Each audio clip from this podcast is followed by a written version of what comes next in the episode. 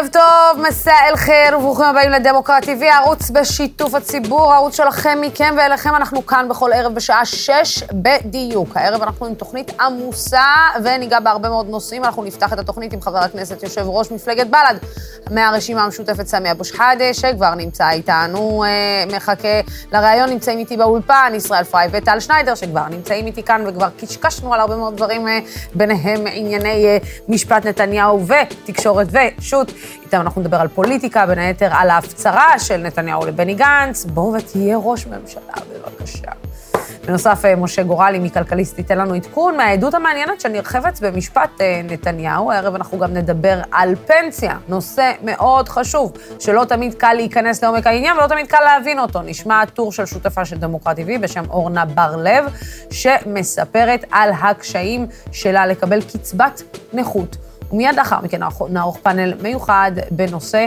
אה, לסיום, אנחנו נדבר עם המנכ"לית אה, המשותפת של עמותת סיכוי, המנכ"לים המשותפים של עמותת אה, סיכוי, ושהשבוע מציינת 30 שנה להקמתה, ונדבר איתם על יחסי יהודים וערבים בישראל, ועל השינויים הרבים שעברה מערכת היחסים הזאת. אבל כאמור, איתנו באולפן נמצאים טל שניידר וישראל פריי. שלום, שלום לשניכם. שלום, יוסי, שלום, טל, חנוכה שמח. חנוכה שמח לאיש שעושה הרבה בעיות בדמוקרט TV, אה, ועושה לנו הרבה ציוצים אה, בטוויטר, למי שרוצה להתעדכן, אתם מוזמנים להיכנס לטוויטר של דמוקרט TV ולראות איזה בלאגן עשה שם אה, ישראל פריי. אבל לפני שאנחנו נתחיל לדבר איתכם, נמצא איתנו בזום חבר הכנסת סמי אבו שחאדה, יושב ראש בל"ד מהרשימה המשותפת. שלום, שלום לך. מסע אל חיר. מסע אחר ילוסי לך ולכל הצופים והצופות. תודה רבה שהצטרפת אלינו. אתה השקת שדולה ביחד עם נעמה לזימי ממפלגת העבודה, שעוסקת אה, בשוויון בערים המעורבות, ויש שיגידו, סמי, מה אתה רוצה? מה, הנה, עכשיו אה, מתחילה, עוברת תוכנית גדולה, תוכנית חומש, עובר אה, כסף, עוברים הרבה מאוד תקציבים. שוויון כנראה שהיה, אתה פשוט אולי פספסת את זה. לכן התחלנו היום את ההשקה של השדולה במחקר חדש של הממ"מ בכנסת, לוסי, שקודם כל מעיד במספרים על כל מה שאנחנו מדברים עליו מבחינת חוסר שוויון בין יהודים לערבים בכל הערים המעורבות, בכל תחומי החיים. גם בענייני תעסוקה, גם בענייני חינוך, בכל הנושאים שבדקו מכון המחקרים והמידע של הכנסת, הם ראו שיש פערים מאוד גדולים בין האוכלוסייה הערבית לאוכלוסייה היהודית. ועל זה אנחנו מדברים, לכן השקנו את השדולה, ולא במקרה בחרנו שיבואו מהממ"מ ויציגו את המחקר שלהם, כדי שהדברים גם יהיו מוכחים ומגובים במספרים ובנתונים, והמספרים הם מזעזעים בכל הרמות. חבר הכנסת אבו שחאדה, שאני אתחיל לעצבן אותך, או שאני אה, אחכה עם זה עוד אה, חמש דקות לתוך הראיון? אה, אז אה, בואו רגע שנייה, בואו ננסה שנייה להבין ולראות את, המצב כולו. זה נראה שמנסור עבאס אה, תופס, תופס לכם, איך נגיד, ברשימה המשותפת את המקום שאולי אתם מאוד שאפתם ורציתם להגיע אליו, והוא השיג את הדברים שאתם ניסיתם להשיג במשך הרבה מאוד שנים, כשהוא היה איתכם, דרך אגב. ולא ממש הצלחתם, והנה מנסור עבאס אה, לוקח, איך נגיד, את הבכורה. אני חושב שצריך להפסיק להטעות את הציבור עם העניין הזה של המאוחדת ומנסור עבאס. אה, קודם כל, הפערים בין החברה הערבית ליהודית במדינת ישראל אה, לא היו ענייני כספים. והדבר השני, בטח לא המספרים האלה, גם אם מדובר בענייני כספים, בטח לא בממדים האלה ובטח לא ב-1% מהתקציב של המדינה.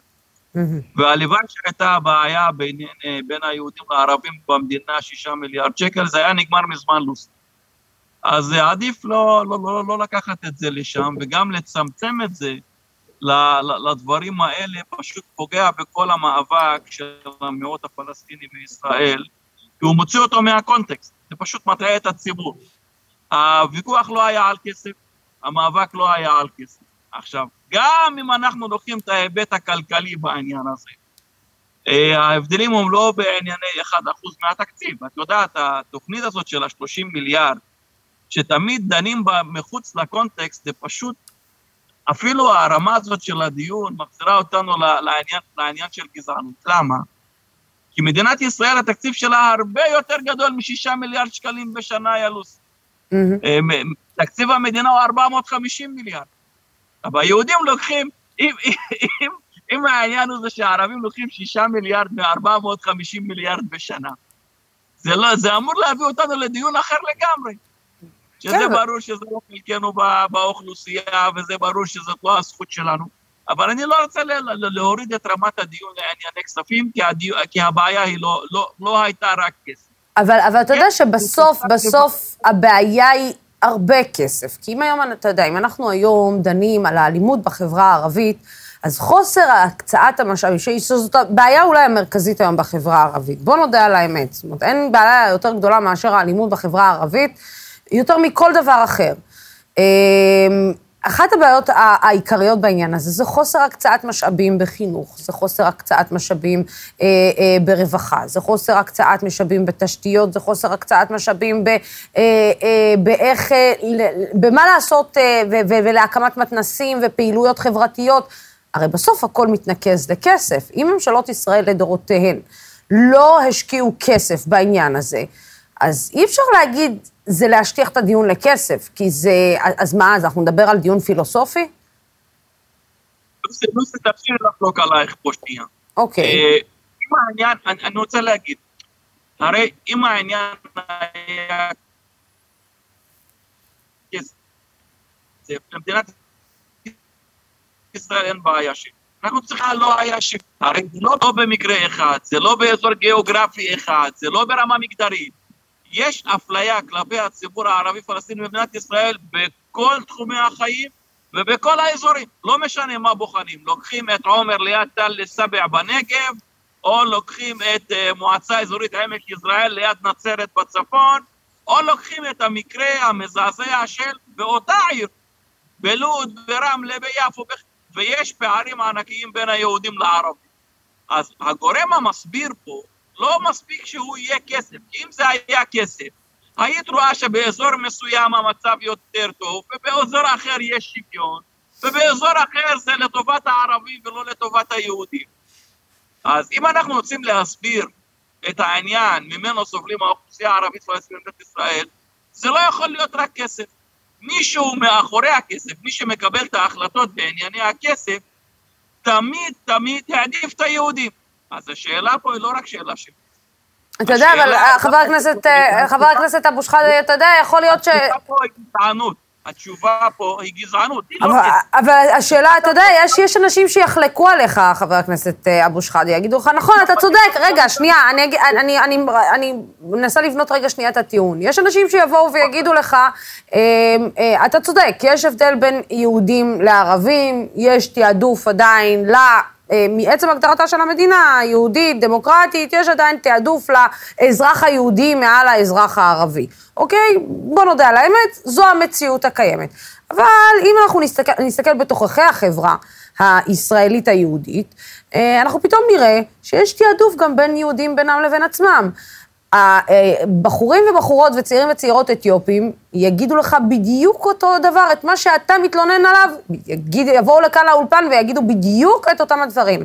צעירים וצעירות מהפריפריה יבואו ויגידו לך בדיוק את אותם הדברים. זאת אומרת, אם אנחנו ניכנס לבתי הכלא, אנחנו כנראה נראה שם ערבים, אנחנו נראה שם אתיופים, ואנחנו נראה שם אנשים יהודים, מזרחים, בדרך כלל שמגיעים מהפריפריה, או אנשים, אתה יודע, מברית המועצות, שעלו ולא הצליחו להתאקלם, וכל מיני עולים חדשים שלא ממש מצאו את עצמם בחברה הישראלית.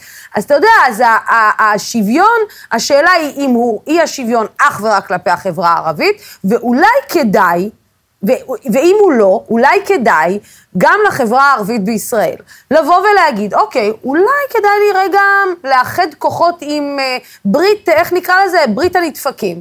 ולאחד כוחות ולבוא ולהגיד, לא רק אני נדפק, אלא גם אתם בעצמכם דופקים את עצמכם. אז בואו רגע נתאחד וננסה רגע שנייה לבוא ככוח יותר גדול כלפי המערכת. זו שאלה מצוינת, יוס. קודם כל, הברית הזאת של הברית המדוכאים, היא נקראה בספרות של מדע המדינה. כן, אני, לא אני תעב... קוראת לה ברית הנדפקים, כי אתה יודע, מה לעשות, זה... לא, היא, לא תעבוד, היא לא תעבוד במדינת ישראל, למה? כי לצערי הרב, קודם כל מה שאמרת נכון, יש אה, אי שוויון אה, בתוך החברה היהודית גם. ומצב החרדים לא כמו מצב החילוניים, ומצב האתיופים לא כמו מצב הרוסים וכולי.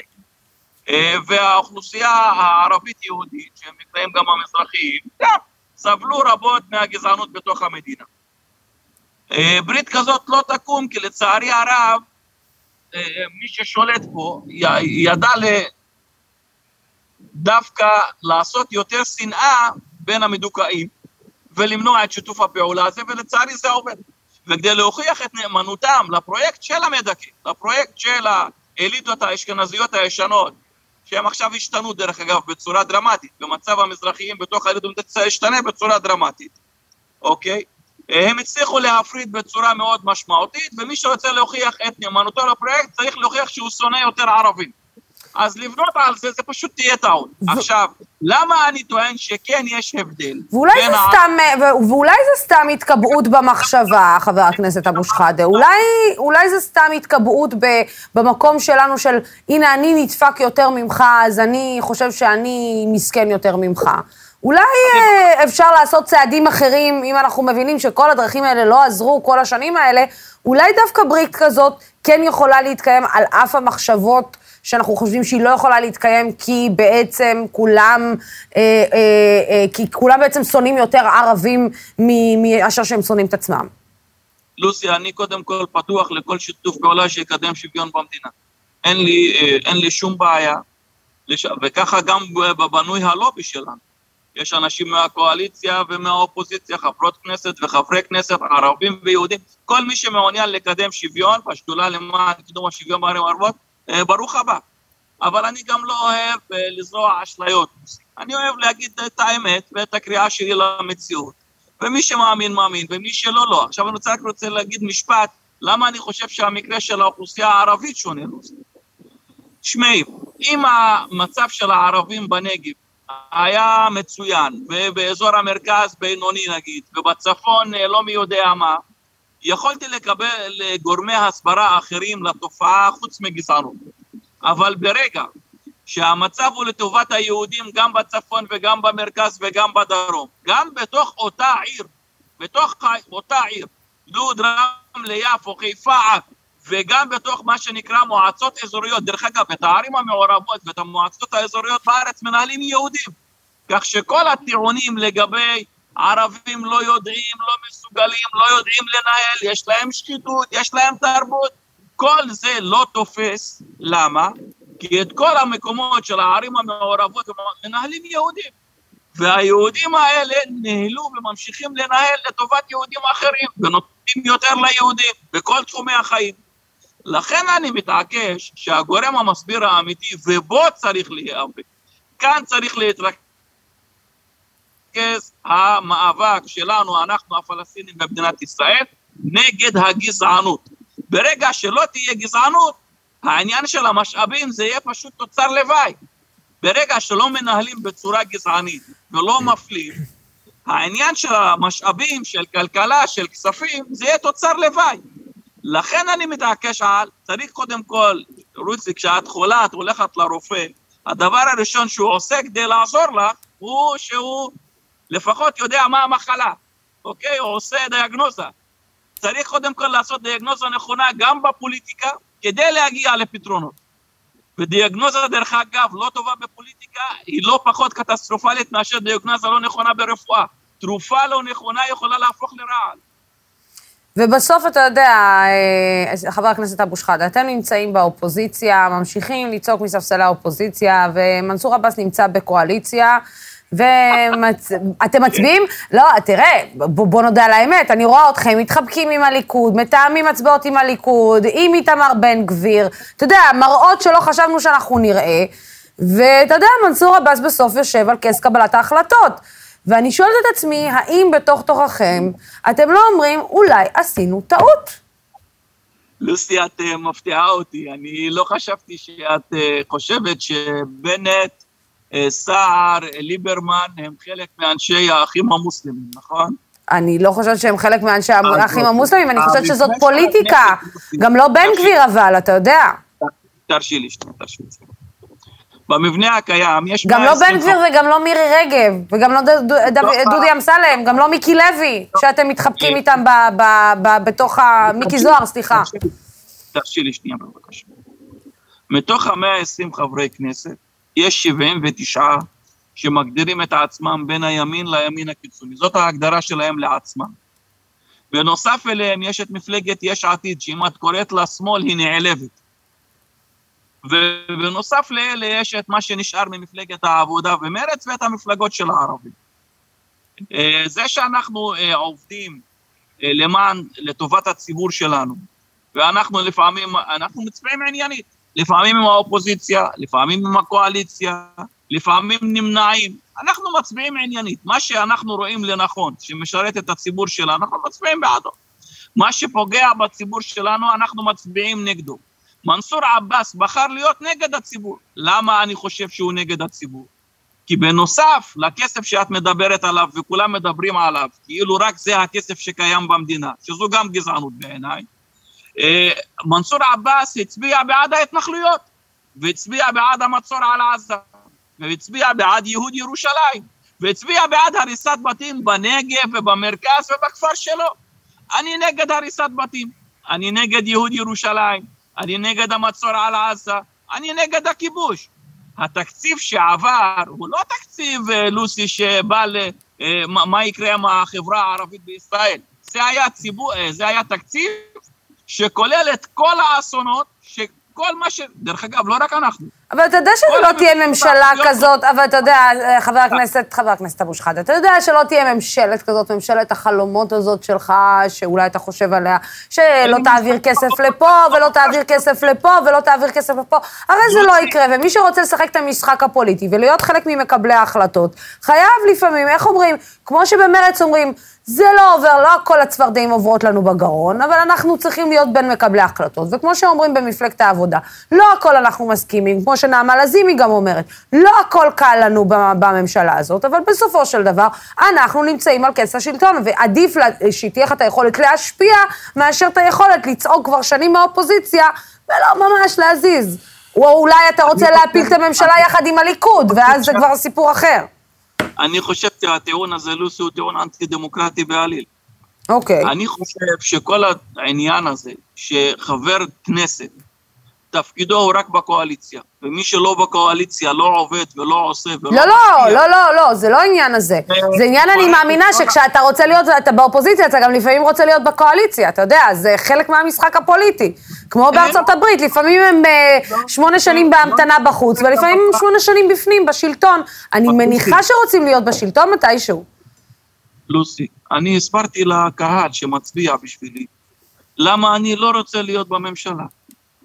אני היסטורית עושה את זה מאז שהוקמה בל"ד, ואנחנו גם אומרים למה. לא.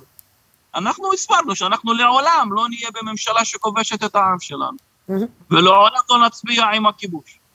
גם אם דרך אגב זה יביא לי קצת כסף. אני לא אסכים לכבוש את העם שלי ולהרוס אותו, כי אני חושב שבזה אני מביא כסף לפה או לשם. אני גם לא אצביע אף פעם בעד הריסת הבתים. אני לא אצביע בעד גזענות. ועדיין, ועדיין, ועדיין הצבעת, האמת באופן מפליא, כן? בל"ד באופן מפליא, הצבעתם בעד אה, בני גנץ והמלצתם על בני גנץ אה, לראשות ממשלת אה, ישראל, אתה יודע. בל"ד התנגדה, בל"ד התנגדה גם לזה. בל"ד התנגדה אבל גם לזה. הצבעתם, אבל המלצתם בסוף. דרך אגב, דרך אגב. וגם היא... שזה היה היסטורי, אבל ואחרי. הצבעתם. אוקיי? ולא רק ש, ש, שאחר כך, יעני, אחרי כל, ה, כל הטעות הזאת, יצאנו ואמרנו. העניין הזה, אנחנו עשינו אותו בניגוד לעמדת בל"ד, כדי לכבד את הרוב במשותפת, כדי לא לצאת נגד הרוב במשותפת. ואמרנו שזוהי טעות, והסברנו למה זה טעות דרך אגב. אני עדיין משוכנע שהעמדה של בל"ד הייתה מאוד נכונה בעניין הזה. מהמם. וזו הייתה טעות. ודרך אגב, אני מקווה גם שהאחרים למדו. הרי כל מה שאת אומרת בעניין הזה מוכיח פעם אחר פעם שבל"ד יש לה קריאה מדויקת למפה הפוליטית במדינת ישראל, והיא זאת שיעני, הציגה את העמדות הנכונות היותר קרובות כן. למציאות ולקריאה הנכונה של המפה הפוליטית בישראל. העניין פה הוא עניין, בכל הנושאים שאנחנו מדברים עליהם, שיש אנשים שמנסים להוביל עליונות יהודית, Mhm. אנחנו לא נקבל עליונות יהודית. חבר הכנסת אה, סמי אבו שחאדה, אנחנו אה, נתראה כאן באולפן מתישהו, אה, כשתגיע, כדי שלא נשמע אותך מקוטע. תודה רבה לך על השיחה הזאת. שתזמינו אותנו, ליסי, כשתזמינו אותנו. מה זאת אומרת שתזמינו אותנו? אנחנו כל הזמן... אני רק רוצה להגיד לך שאנחנו, אני יושבת על המשותפת כבר כמעט שנתיים אני יושבת פה, ואני יושבת על הרשימה המשותפת, אחד-אחד, וכל פעם אני מקבלת לא מחברי הרשימה המשותפת, חוץ, חוץ מעאידה תומא סלימאן. טוב, שהיא תמיד... טיבי ועוד אה, כאילו בגדר רוח רפאים. הם לא עונים לטלפונים, לא הם ולא הדוברים שלהם. תקשיבי שנייה, אנחנו נו. עכשיו בשידור ישיר. כן? אני אומר לך שאני לא קיבלתי אף פעם הזמנה, תזמיני, אני מגיעה בשמחה. אז יאללה, חבר הכנסת סמי אבו שחאדה, אתה מוזמן אה, לאולפן אה, רבה. דמוקרטי טבעי. תודה רבה לך על השיחה הזאת, תודה רבה. תודה לך.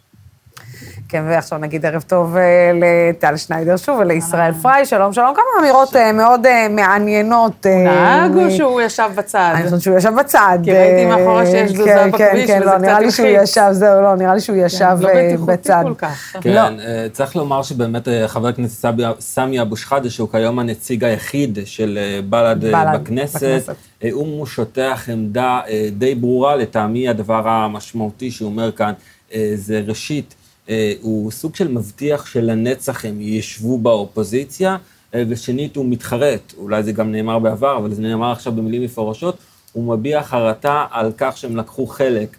אה, בהמלצה על גנץ, גנץ. כלומר, אנחנו מצד אחד רואים את התהליך של ההתקרבות של הפוליטיקאים הערבים לעבר הישראליות, אז יש גם את העבר השני שדווקא הסיטואציה הנוכחית אולי מרחיקה אותם צעד אחורה. אה, יש ניצים אה, גם ב... ויחד עם זאת, הוא נכון. תושב תל אביב-יפו, הרי היה פה מורה וחבר מועצה, הוא הולך, מקים שלוד- שדולה, יחד עם חברת כנסת במפלגת העבודה. נכון, שזה היה מחוץ למחנה של בל"ד בכלל בעבר, יחד איתה, והיא גם תושבת חיפה, עיר מעורבת, והם מקימים ביחד שדולה שבאה לעשות קירוב בין אה, יהודים לערבים בערים המעורבות. אז כן, אתה רואה בבל"ד, בהנהגה, אגב, האיש שהמליץ, אם אני זוכרת נכון, תקנו אותי אם אני זה טועה, מי שהמליץ- טנגו, זה צעד אחד קדימה, מי שניים שהמליץ אחורה. לא, תקן אותי אם אני טועה, אתה עם הזיכרון שלך בטח יודע. היינו מי שם בבית הנשיא, שהמליץ שידרנו אה, ב- על אה, גנץ היה מתנס שחאדה, היושב ראש הקודם, נכון. שהוא כן, בעצם הוחלף נכון, גם, ולכן. סמי אבו שחאדה לא אמר את זה עכשיו, אבל זה לא הוא שהוביל את ההחלטה של נכון, ההמלצה, אה, והם התחלפו אחרי אגב, לוסי, אני. לא חושב שזה צעד קדימה, צעד אחורה, העמדה של בל"ד מסורתית לא, היא מסורתית, זה היה מאוד ידוע, היא- גם החלק היא הניצי. יותר אה, ב- ברשימה נכון. המשותפת, או החלק הימני נקרא לזה נכון, יותר. האמת שאחרי אה, ב- אחרי ב- הרעיון הזה, אה, בעיקר מסקרן אותי לראיין את המצביעים של אבו שחאדה. כלומר, אה, לדבר עם האנשים ש, אה, שיודעים שהקול שלהם לנצח ילך רק כאמירה אה, אולי ערכית, אתה- זה כמו ש- זה כנציגות כמו שאתה בגוף תשאל את המצביעים אבל- של אה, סמוטריץ'. מה זאת אומרת? המצביעים של סמוטריץ' יגידו לך, כן, לא, אנחנו הולכים עם סמוטריץ' אה, עד הסוף. שלפעמים הוא באופוזיציה, אבל לפעמים הוא יביא להם את השלטון. לפי דברי אבו שחאדה, בל"ד נועדה להיות תמיד נכון. כזו שלא תהיה בשלטון. בסדר, עד ש- אבל הוא אמר שזה זה בסדר. בסדר עד ש- גמור, אבל לכן מסקרן אותי לשוחח עם האנשים שמצביעים, כלומר, שהשאיפה שלהם מסתכמת בזה שיהיה להם עד ש... נציג אבל הוא אמר בכנסת לך עד ישראל, שמה? ולא... עד שיגמר הכיבוש. זאת אומרת, ממשלת הכיבוש, זאת אומרת, בשנייה שיגמר הכיבוש, אז אנחנו נשקול הם כמובן מצביעים את... בשביל להיות אה, כוח באופוזיציה, נקודה. זה המשמעות של החיים הפוליטיים הפרלמנטריים, בשביל להיות התנגדות פוליטית אגב, למהלכים, וזה בסדר, זה יעד אה, לגיטימי מאוד בדמוקרטיה. והוא צודק, זו אה, הדמוקרטיה, זה תפקידו, וזה, וזה אכן צריך להיות יעד לכשעצמו. טוב, אה, חברים, בואו רגע נתקדם בנושאים. אתמול נתניהו נותן בערוץ 14 אה, ראיון בלעדי, נקרא לזה. קוראים, קוראים לו, קוראים לו ראש. הממשלה שם. אה, זה רעיון מספר נתניהו. 20 שלו בערוץ כן, אה, ב- 20, או כן. רעיון מספר 14, זאת אומרת, הוא- הוא- אני עוקבת אה, מקרוב אחרי נתניהו בהרבה שנים האחרונות.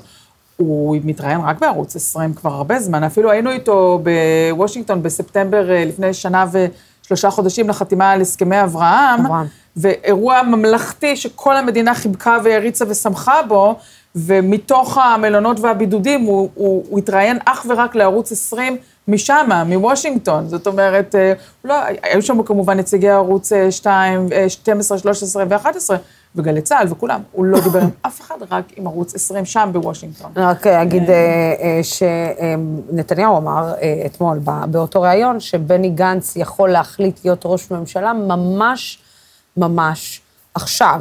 כי לא אה, הספיק לו ההתעללות כן. אה, לפני שנה וחצי, והוא רוצה לקבל מנה ב', עוד קצת, הוא רוצה לקבל עוד קצת התעללות, להיות קצת אישה מוכה, עוד לקבל מדרעי עוד ערבויות, ומליצמן כן. עוד הבטחות, ממש כיף. צריך גם לומר שהמשחק הזה הוא טוב לשני הצדדים, כלומר, גם לליכוד וגם לגנץ עצמו. הליכוד כמובן נהנה לשחק עם זה כאיזשהו קלף, תראו, אוטוטו, זה טוב יש לנו לגנץ? אני לא מהלכים. חושבת שזה דווקא גנץ טוב לגנץ, כי מנסה כאילו- כל הזמן לחזק בזה את כוחו בתוך הממשלה, למרות שאתמול הייתה אמירה חדה ודי כואבת של גדעון סער אה, בקבינט, אה, שאמר לו, הוא התייחס לדברים שגנץ נכון. אמר, שאני לא נמצא עכשיו על כס ראש הממשלה, כי אני הגנתי על שומרי הסף. כן. אומר לו גדעון סער, לא במילים המדויקות, אבל אתה לא פה כי עשית עסקה עם השטן, או עשית עסקה עם לא, ה... כי בחרת אה, בנתניהו, הוא עם אמר לו, חתמת הסכם עם נתניהו, אתה לא פה אני בגלל חושבת שגנץ נתניהו. מרוויח מזה, הוא, אה, הוא נהנה מזה, את רואה אותו בראיונות, הוא, לא, הוא כל הזמן נותן ככה אה, לציבור לשחק ולהשתעשע כביכול עם העמדה הזאת, והוא גם ממשיך להיות בקשר מאוד חזק עם המפלגות החרדיות, זאת אומרת, הוא בונה את עצמו מבחינתו לאחד שיכול להיות מחובק על ידי ש"ס יהדות התורה, על ידי המרכז, על ידי השמאל. בעצם מה טל, את עוקבת אחרי הרשתות החברתיות של שלפיד, בני אה, גנץ? לא, לא, זה לא משנה, ביום הוא בחירות. בונה שם, הוא בונה שם אה, אה, base מטורף, מי שעוקב אחרי אה, העבודה, הוא ממציא את עצמו כאיזשהו סבא לחמוד, אה, עם סרטונים בטיקטוק, באמת שכבר מתחרים אה, ברמת מה, הקריאיטיב של של שמעון, ביבי. אה, פרס? שווה, אה, שווה לעקוב. אה, טיקטוק, כן. נבנה, נבנית שם איזושהי דמות אה, חדשה, מי שחשב שגנץ הוא אפיזודה קוריוז, אה, אני חושב שהוא הולך להתבדות, הוא... הוא, הוא... וגם אתה רואה היום בסקרים שהוא במצב, כמובן, יותר טוב משל גדעון סער, יותר טוב משל ליברמן, אה, יותר טוב משל מפלגת העבודה, ואני חושבת שהוא כן מתחרה עם מפלגת העבודה על אותם החקלאים, כל האזורים האלו, הוא מתחרה איתם, ואת רואה גם את המתח בינו לבין מרב מיכאלי. אנשים מסתכלים כל הזמן על הציר שבינו לבין נתניהו, אבל המתח נבנה עם, אה, עם מרב מפלגת מיכאלי, העבודה. כי גם אני חושבת שזה מה שהוא גם ניסה לבנות את התדמית שלו, שהוא Mm-hmm. בעצם, ה, ה, איך נקרא לזה, היורש של אה, יצחק רבין יש כמה ז"ל בצורה אה, כזאת יש או כמה אחרת. צירי שיתופי פעולה מעניינים, אני רואה אותו כאילו מת- מתעמת עם, בדיוק עם מפלגת העבודה, ואני רואה את לפיד כל הזמן מעין מגדל סוג של ציר תמיכה עם אה, מרץ. ראינו את זה כבר במערכת. הבחירות.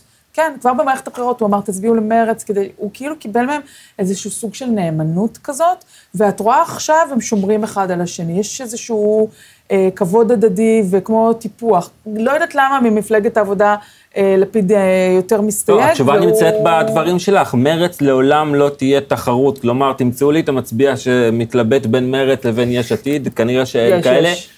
עדיין מרץ, הוא, הם פונים לקהל הנורא אה, לא, ספציפי. לא, לא, יש- יש כאלה שמתלבטים בין מרצ העבודה- ליש עתיד, לעומת זה לא- העבודה שתמיד, אגב, העבודה גם לפני הפורמט של מרב מיכאלי, היא כל הזמן ישבה מול, גם כן. לאורך הבחירות הקודמות, אל מול הקולות של, של כחול לבן, של גנץ, אז זה בבירור... אה, יש כל מיני בריתות וצירים אה, מעניינים. כמובן, מרב מיכאלי הפכה להיות ידידתו הגדולה של אה, נפתלי בנט, ראש הממשלה. גם שם יש ציר חברות אה, לא נתפס בכלל. אה, אנחנו רואים היום, ברור. את חצי שנה לתוך הממשלה הזאת, אנחנו רואים חברויות שלא תיארנו לעצמנו שיכולות זה אה, מדהים, להיות. מיכל, כאילו כל, כל מה שקורה שם זה, כן. זה, זה מחקר אנתרופולוגי אה, מדהים. אנחנו רגע שנייה עושים פאוזה בעניין הפוליטי, כי אנחנו רוצים לצרף אלינו את משה גורלי, הכתב המשפטי של כלכליסט.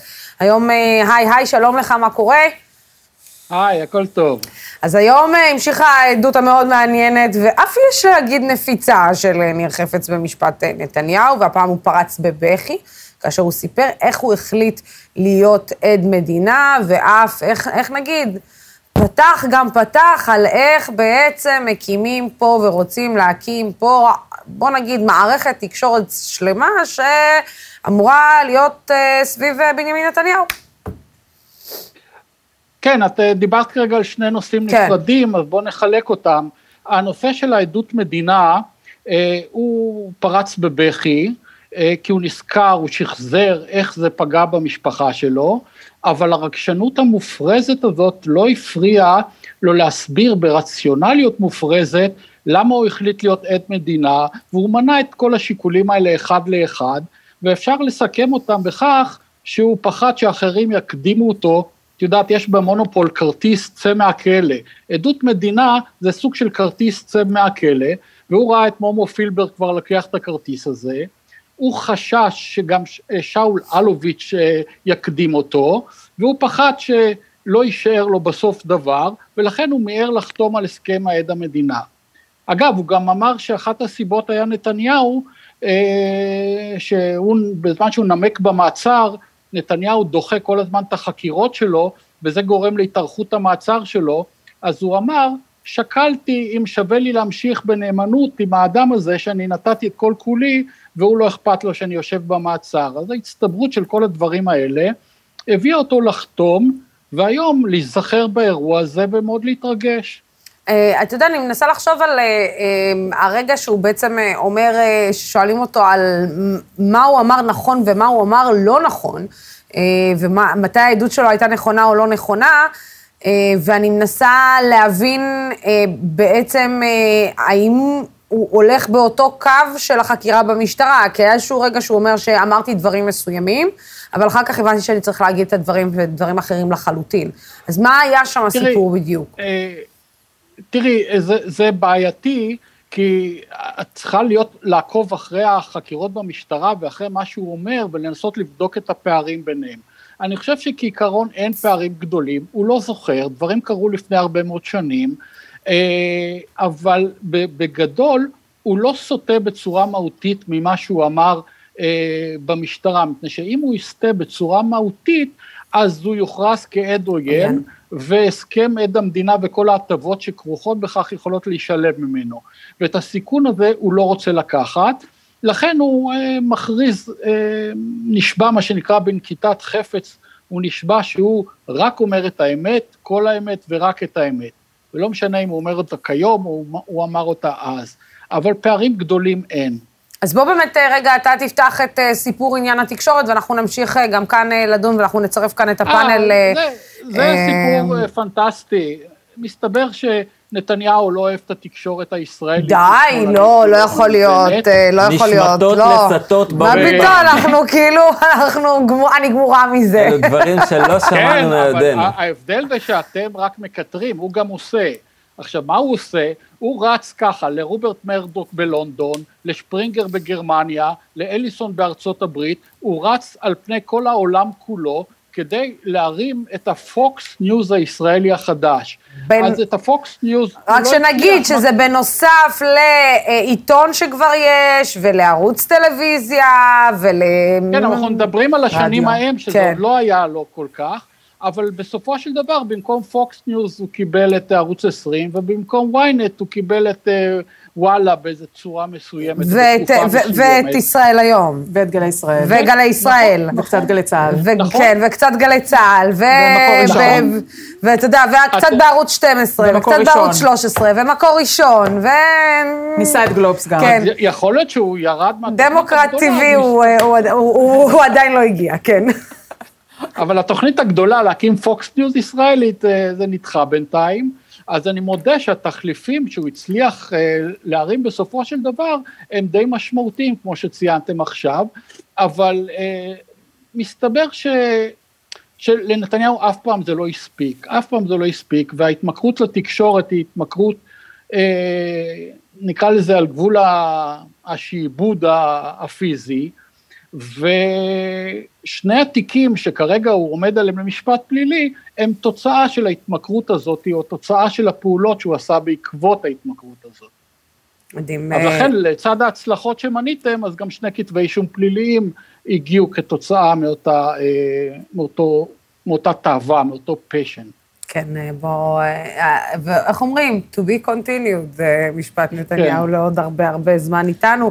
תודה רבה לך, עורך כן. הדין גורלי, על השיחה הזאת. תודה, תודה רבה. שאלה שמסקרנת אותי, זה מה תהיה ההתרשמות של השופטים מרמת האמינות שלו. כי לדוגמה, הקטע של הדמעות, בסדר, אז, אז איש נשבר על הדוכן עדים, אבל מעבר לזה, יש שם עוד המון המון קטעים שהם צריכים בעצם להכריע האם אנחנו מאמינים לו או לא.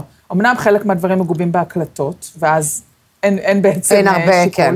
אבל יש, יש דברים שנשארו שם, אה, שנשארו שם, שצריך לקבל החלטה אחר כך, אם אנחנו מאמינים, וכדי לסתור את האמינות שלו, זאת אומרת, אה, להראות שהוא משקר או מבלף או ממציא או מנפח, אז גם יש את החקירה הנגדית, שבה אני, אני, אני די נוטה להאמין שהם יקראו לו את הצורה, והם יראו באותים ובמופתות כמה האיש הוא לא אמין, וכל היושבים סביב השולחן הזה יודעים שלהראות את חפץ כאיש לא אמין לא צריך להיות סיפור גדול לפרקליט טוב. כן. דבר שני, בשלב המתקדם, יכול לבוא אה, נתניהו, לעלות על דוכן העדים, זו זכות ששמורה לו, הוא לא חייב, אבל הוא יכול לעלות על דוכן העדים, ולסתור, ולהגיד, לא אמרתי את זה, כן אמרתי את זה, ואז כמובן זה פתח לצרות, כי ישמיעו לו את ההקלטה ויגידו, אז מה אתה כן מתכוון? והוא יצטרך לבנות איזה שהם הסברים. אבל נתניהו אשף אה, מניפולציות ואשף תמרונים, ולא יודעת. על הציבור, השאלה אם על השופטים, אתה את יודעת, זה... שלושה זה- שופטים, כן, שלושה נכון. שופטים, זה השאלה אם זה יתפוס לגבי השופטים. ישראל, רצית להגיד אה, משהו? אני נזהר אה, שלא נעשה פה את אה, המעשה המגונה שבערוצים אחרים, כך שמי שכובעו אינו כובע של כתב משפט, אה, אני לא אפרשן בשום צורה את מה שקורה שם. אה, לחלוטין אה, לראות את העדויות על אה, הרכישה, על המהלכים הגדולים לרכישת כלי תקשורת, אה, זה מדהים, ואני רוצה לנצל את ההזדמנות הזו מכאן, מאולפני דמוקרט TV, לשלוח איחולי הצלחה וברכה לאחינו, בעצם לא אחינו, אחינו החורגים, לא, בני דודינו, אה, מערוץ אה, 2014 החדש, לרגל ההשקה של האולפנים. תשמעו, אה, אתם עושים תוכן פח, אה, אורגיית האינטרסים שם היא מזעזעת, אבל מה? החלטתם ליצור מוקד כוח, החלטתם ליצור מפעל ואתם עושים את זה מצוין.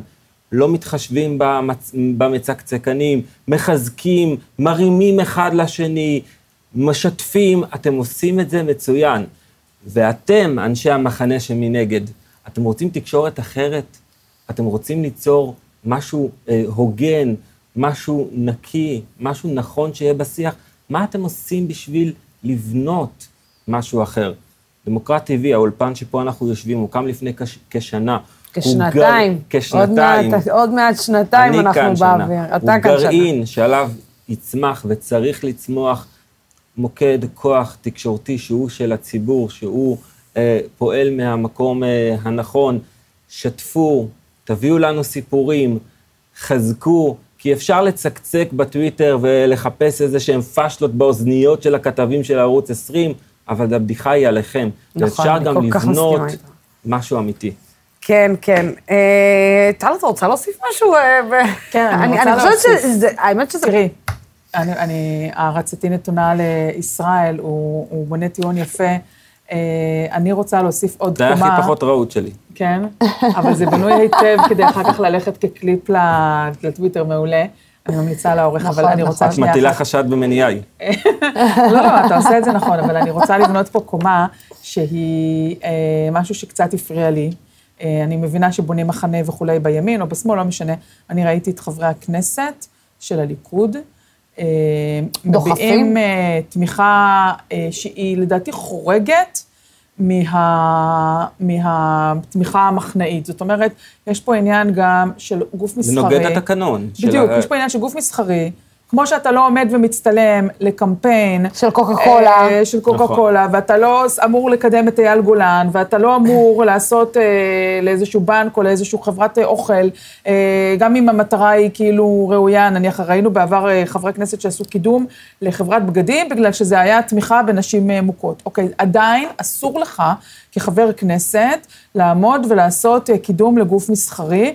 אה, לא להצטלם באל על ולא להצטלם בבנק הפועלים וכולי וכולי, והם עומדים ומקדמים את, את הערוץ הזה, כאילו, הם, אה, כאילו, כאילו אין שום, אה, אין, שום היסטוריה של החלטות אתיקה. בואי עכשיו. אין ועדת אתיקה, דרך אגב. אין ועדת. אתיקה, אבל אבל זה באמת, זה באמת לא בסדר. אבל את יודעת, טל, בואי, נודה על האמת, בואי נודה על האמת. אנחנו בתקשורת, וחברינו ועמיתינו והקולגות שלנו בתקשורת, בזמן שהולכים להם על הראש, ואומרים, בואו תעברו לערוץ, שלו, לערוץ אה, 14, לכו לערוץ אה, זה, לכו תראו את ערוץ 14, כל החברי כנסת שזה, הם ימשיכו להזמין את אותם חברי כנסת, והם ירדפו אחריהם, ויעשו איתם ראיונות.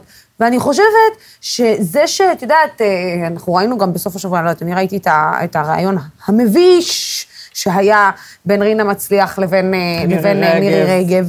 ואת יודעת, במקום להמשיך ולהזמין את מירי רגב, שתמשיך להגיד ל, אה, למגישה בכירה בחדשות 12, את שמאלנית, ואת והחברים השמאלנים שלך, ואת שמאלנית, כאילו זה איזה קללה או מה שזה לא יהיה, כך והמגישה, והמגישה מצטדקת ואומרת, לא, אני לא...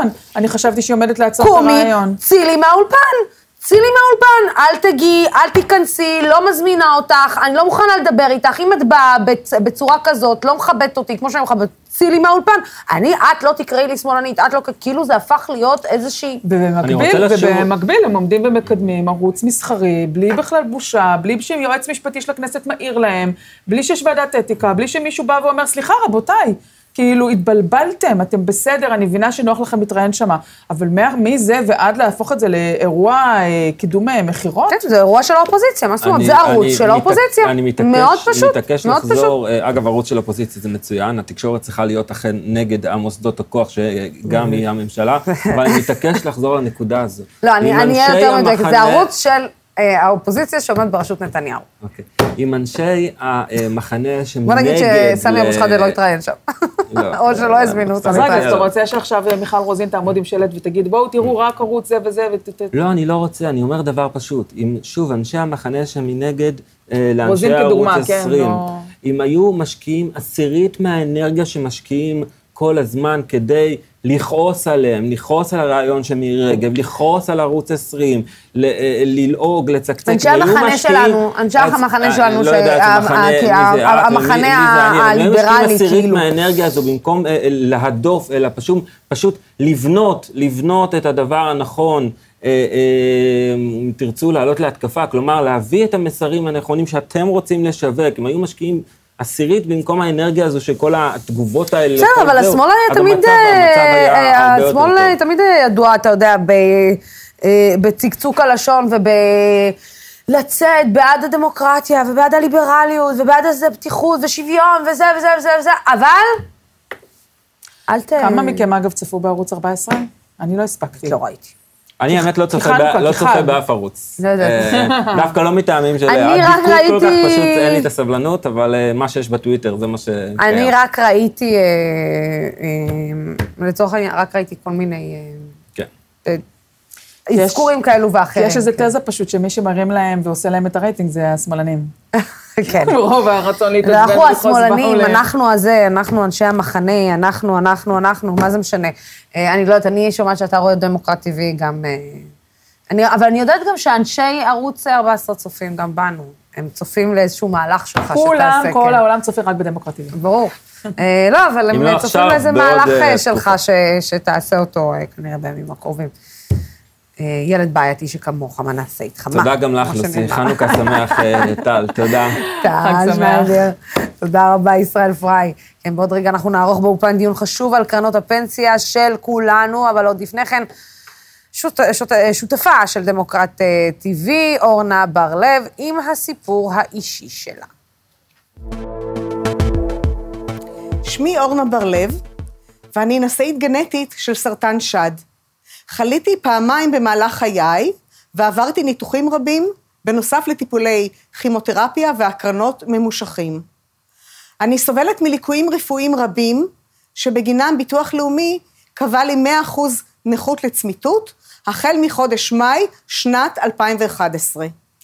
בשנת 2015 עברתי תאונה וניתוח לשיקום שבר מורכב ברגל, ובנוסף אובחנה סוכרת, שבגינם ביטוח לאומי קבע, בנוסף, 50 אחוז שירותים מיוחדים לצמיתות החל משנת 2015.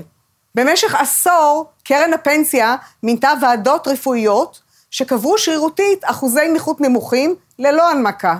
רק באוגוסט 2021, ולאחר חשיפת השחיתות בנושא שיפוץ הפרוטוקולים בוועדות רפואיות, אישרה קרן הפנסיה את ההחלטה של ביטוח לאומי, שקבע 100% נכות לצמיתות. החל ממאי שנת 2011, קרנות הפנסיה בניהול עמיתים קבעו שרירותית אחוזי נכות נמוכים, והתחמקו מחובת ההנמקה. בנוסף, הם שיבשו את התשלומים והחיסכון הפנסיוני במערכת אתר עמיתים ובמשרד האוצר. בתי הדין לעבודה סגרו את התיקים תחת פשרות, ללא מעקב וסיכומים, וגררו אותי לתביעות חדשות. רשות ההון במשרד האוצר לא מפקחת כראוי על קרנות הפנסיה וניהול החיסכון הפנסיוני, למרות מאבק ממושך ומעורבות של היועמ"ש, פרקליט המדינה, לשכת עורכי הדין, מבקר המדינה ועוד, קרנות הפנסיה ממשיכות להתעלל במבוטחים נכים בשיטת מצליח, תוך הפרה יסודית ובוטה של פסקי דין, שיבוש הליכי משפט, הונאה ומרמה. כיום, קרן הפנסיה מתחמקת מתשלום פנסיית נכות חודשית ותשלום רטרואקטיבי כדין, כלומר, בהתאם לחוות דעת אקטוארית עדכנית וחוק הגנת השכר. אשמח לקבל תגובות משותפים שנפגעו מהתנהלות קרנות הפנסיה, ואבקש את תמיכתכם בקידום חקירת הפשיעה הכלכלית ומיצוי הדין במסגרת פרקליטות מיסוי וכלכלה, ולא בבתי דין לעבודה. על מנת להגן על זכויות של מבוטחים נכים, מיצוי הדין כחוק משמעותו ניצחון של הנכים על שיטת מצליח. הנוסחה היא פשוטה, או שהנכים מנצחים את שיטת מצליח, או שהשחיתות ושיטת מצליח מנצחת את הנכים. כן, תודה רבה לאורנה. חשוב לנו להגיד שאנחנו פנינו לתגובה מחברת הביטוח, והנושא נמצא בבדיקה. כמובן שאנחנו נעדכן בעמוד הפייסבוק שלנו ברגע שתתקבל התגובה שלהם. אנחנו מקווים כמובן שזה יעזור לטיפול בבעיה. וזו הזדמנות מצוינת, אם אנחנו מדברים על אה, ביטוחים, על, אה, לדבר על נושאי ביטוחי הפנסיה באופן כללי, נמצאים איתנו באולפן עורכת הדין חיה מנע, שעוסקת אה, בנושא קרנות הפנסיה, איתה אריאל ברזילי, ראש האגף הכלכלי בתנועה לאיכות השלטון, שידבר איתנו על מי ששולטים בכספי הביטוח שלנו. שלום, שלום לשניכם. ובזום אסא ששון, כתב הביטוח של דה מרקר, שלום, שלום גם לך. אתה רוצה שנתחיל איתך, שתיתן לנו עדכון אה, קצר על למה אתמול, אה, בוא נגיד, נגדיר את זה ככה, אה, רולניק עשה סקירה קטנה, איך נגיד, על מה, או נגיד הרצונות של אקירוב לגבי חברת כלל, לא נשמע טוב בשום צורה. בוא נעשה לנו רגע סקירה, מה עכשיו אקירוב התעורר, והוא בכלל רוצה את כלל, ולמה פנסיות של 13 אחוזים מהציבור צריכים להיות בידיים של אקירוב, והם צריכים אה, לסכן את הכסף שלהם בידיים של אקירוב, לא, מה קרה? אז הנה, באמת היום אה, חברות הביטוח מפרסמות הדוחות הכספיים שלהם, ואנחנו רואים אה, רווחים מאוד מאוד יפים. כלל ביטוח, אותה חברה שאקירוב רוצה לרכוש, הרוויחה מתחילת השנה אה, קצת מעל למיליארד שקל, אני חושב שזה רווח לא רע, הראל סדר גודל של 940 מיליון שקל, מנורה 600 מיליון שקל, ככה שבהחלט מדובר ב, בעסק מאוד מאוד מניב ו, ומאוד רווחי. אבל, ופה בא האבל הגדול, מה שמעניין בעיקר את אקירוב, זה לא רק הרווחיות, זה בעיקר הנכסים שמנוהלים בחברות הביטוח. חמשת חברות הביטוח הגדולות מנהלות סדר גודל של 1.2, 1.3 טריליון שקל, mm-hmm. כלל עצמה מנהלת סדר גודל של 270 מיליארד שקל, ותזכרו, אה, אלפרד אקירוב הוא מה שנקרא צרכן אשראי, הוא לוקח חובות, הוא לוקח הלוואות, וכלל ביטוח היא בדיוק בצד השני, היא נותנת אשראי, ועם 270 מיליארד שקל אפשר לתת הרבה מאוד אשראי להרבה מאוד פרויקטים. אבל אתה יודע, אני, אני, אני מנסה לחשוב, אה, האם לנו, הציבור, אה, או למבוטחי כלל, נגיד, באופן ספציפי, יש אפשרות לבוא ולהגיד, לא מעוניין לשים את, הס... את הכסף שלי בסיכון כזה גדול, ראיתי מה קרה עם IDB, למה אני צריך לקחת, להיות במקום שיכול לקרוס על הראש שלי ולהקריס את הפנסיה שלי אה, אחרי הדבר הזה? אנחנו לא יכולים להגיד, לא, אני לא יכול להיות שבעל השליטה אה, בכלל ביטוח יהיה X או Y, בסופו של דבר אה, בעלות שליטה מוענקת אומנם על ידי המפקח על הביטוח כמו שברקת, אבל אנשים קונים עם כספם מניות בבורסה ולמעשה הופכים להיות בעלי שליטה. יש דרך אבל מאוד פשוטה, היום אפשר לנייד את הפנסיות ממקום למקום בלי שזה יפגע בנו, בלי שזה יעלה לנו שום דבר, להפך, גם לפעמים אה, מצליחים להשיג איזו הנחה טובה בדמי הניהול, פשוט אה, להעביר את הכספים מכלל לחברות אחרות שיודעות לנהל את הכסף אה, לא פחות טוב מכלל, במידה ואנחנו לא מבסוטים ממי שתופס את השליטה בחברה שבה אנחנו נמצאים. אגב, למה אף אחד אה, לא עוצר את, אה, את מר אקירוב אה, מלעשות אה, דבר כזה? זאת אומרת, אה, למה בעצם המדינה לא באה ואומרת לו, אדוני, לא, זה, אתה לא יכול להתקרב? שאלה מצוינת. למעשה מי שאמור אה, ל- ל- למנוע ממנו זה משה ברקת. ברקת עוד לא קיבל החלטה, כי אקירוב עוד לא הגיש אה, בקשה רשמית לקבלת שליטה. אני מקווה שעם כמות ההתנגדויות ולעורר את האנטגוניזם המאוד גדול ולהבהיר באמת הבעייתיות, וצריך להבין, ענף הביטוח הוא ענף מוטה רגולציה. הנף אות של הרגולטור משנה את הרווחיות של חברות הביטוח בעשרות אחוזים, ראינו את זה בשנים האחרונות. ברגע שיש לך בן אדם כמו אלפרד אקירוב, שהוא מאוד מחובר לשלטון, תרם לגדעון סער שני מיליון שקל, תרם לבני גנץ אה, סכום דומה, בהחלט יש פה בעיה, בלי להיכנס לאיכותו כ- כאדם או להטיל דופי בזה, יש פה בהחלט בעיה שאדם כזה עם חיבור כזה לשלטון יהיה בעלים של חברת ביטוח. ומי שאמור לתת לזה את הפתרון זה למעשה המפקח על הביטוח, במה שנקרא fit and proper, כלומר לבוא ולהגיד, רבותיי, זה בעל שליטה שהוא אה, בעייתי מבחינת הקשרים של ההון שלטון שלו, והוא כרגע ממתין לראות מה יהיה, הוא מקווה שמישהו אחר יוציא לו את הביצים מהאש, וחלק מהתפקיד שלנו זה בדיוק זה. אה, אריאל, אתה שומע את הדברים האלה, ובעצם, מה זה, זה כאילו, כל, כל אחד יכול, כל בעל הון יכול לבוא ולהגיד ולעשות מה שבא לו עם, אה, עם כספי הפנסיה שלו, זאת כספי הפנסיה שלנו, אנחנו כבר ראינו אותם קורסים פעם אחת. אה, איך, איך המדינה לא עוצרת את זה? איך זה יכול להיות שאף אחד לא שם ברקס? כי זה אקירוב, כי זה אקירוב שנתן לפוליטיקאים בצורה כזאת או אחרת, כי זה שמור לי ואשמור לך? קודם כל צריך לזכור שאם יש, אם, אם יש אה, תמונה בתוך המילון שכתוב לידה הון שלטון, כנראה יש את התמונה של אלפרד אקירוב. אה, האיש הזה מקושר אה, לסער ולגנץ, ואיש מפלגת העבודה, הוא מימן במשך הרבה מאוד שנים כל מיני פוליטיקאים, ועכשיו הוא בעצם לוקח את הדיבידנדים האלה. מי שאמור למנוע את זה, זה לא רק המדינה כגוף, אלא יש ממש דמות אחת, משה ברקת, שהוא זה שצריך בסופו של דבר לתת את האישור הזה, ונדמה שיש פה גם קצת איזושהי בעיה במידע שעובר. אם משה ברקת היה רציני, הוא היה מכנס את כל הרגולטורים הפיננסיים, את המפקח על הבנקים, את ראש, ראשת התחרות, ממלאת מקום ראש, ראשת התחרות, את יושבת ראש רשות לניירות ערך, היה אוסף את כולם והיום תנו לי את כל המידע שיש לכם היום על אקירוב. על אקירוב בעבר, על אקירוב היום, על אקירוב כמי שניהל את חברת אלרוב ואת כל המידע שנמצא אצלכם. הוא היה לוקח את כל המידע הזה והוא היה חייב להגיע למסקנה שאקירוב לא מתאים אה, לקבל את היתר השליטה הזה. אה, הבעיה היא שהוא לא עושה את זה. השאלה למה לא, הוא לא עושה את זה נתונה לפרשנות. אה, אפשר למשל להזכיר רק ולומר שיש דמות אחרת בשם שלמה אליהו, שקיבל היתר שליטה במגדל לפני כמה שנים, ומי שנתן לו את היתר השליטה אז היה מפקח על הביטוח, בן אדם בשם עודד שריג, שמעט אחרי שהוא פרש מתפקידו, התמנה לדירקטוריון של אותה חברה.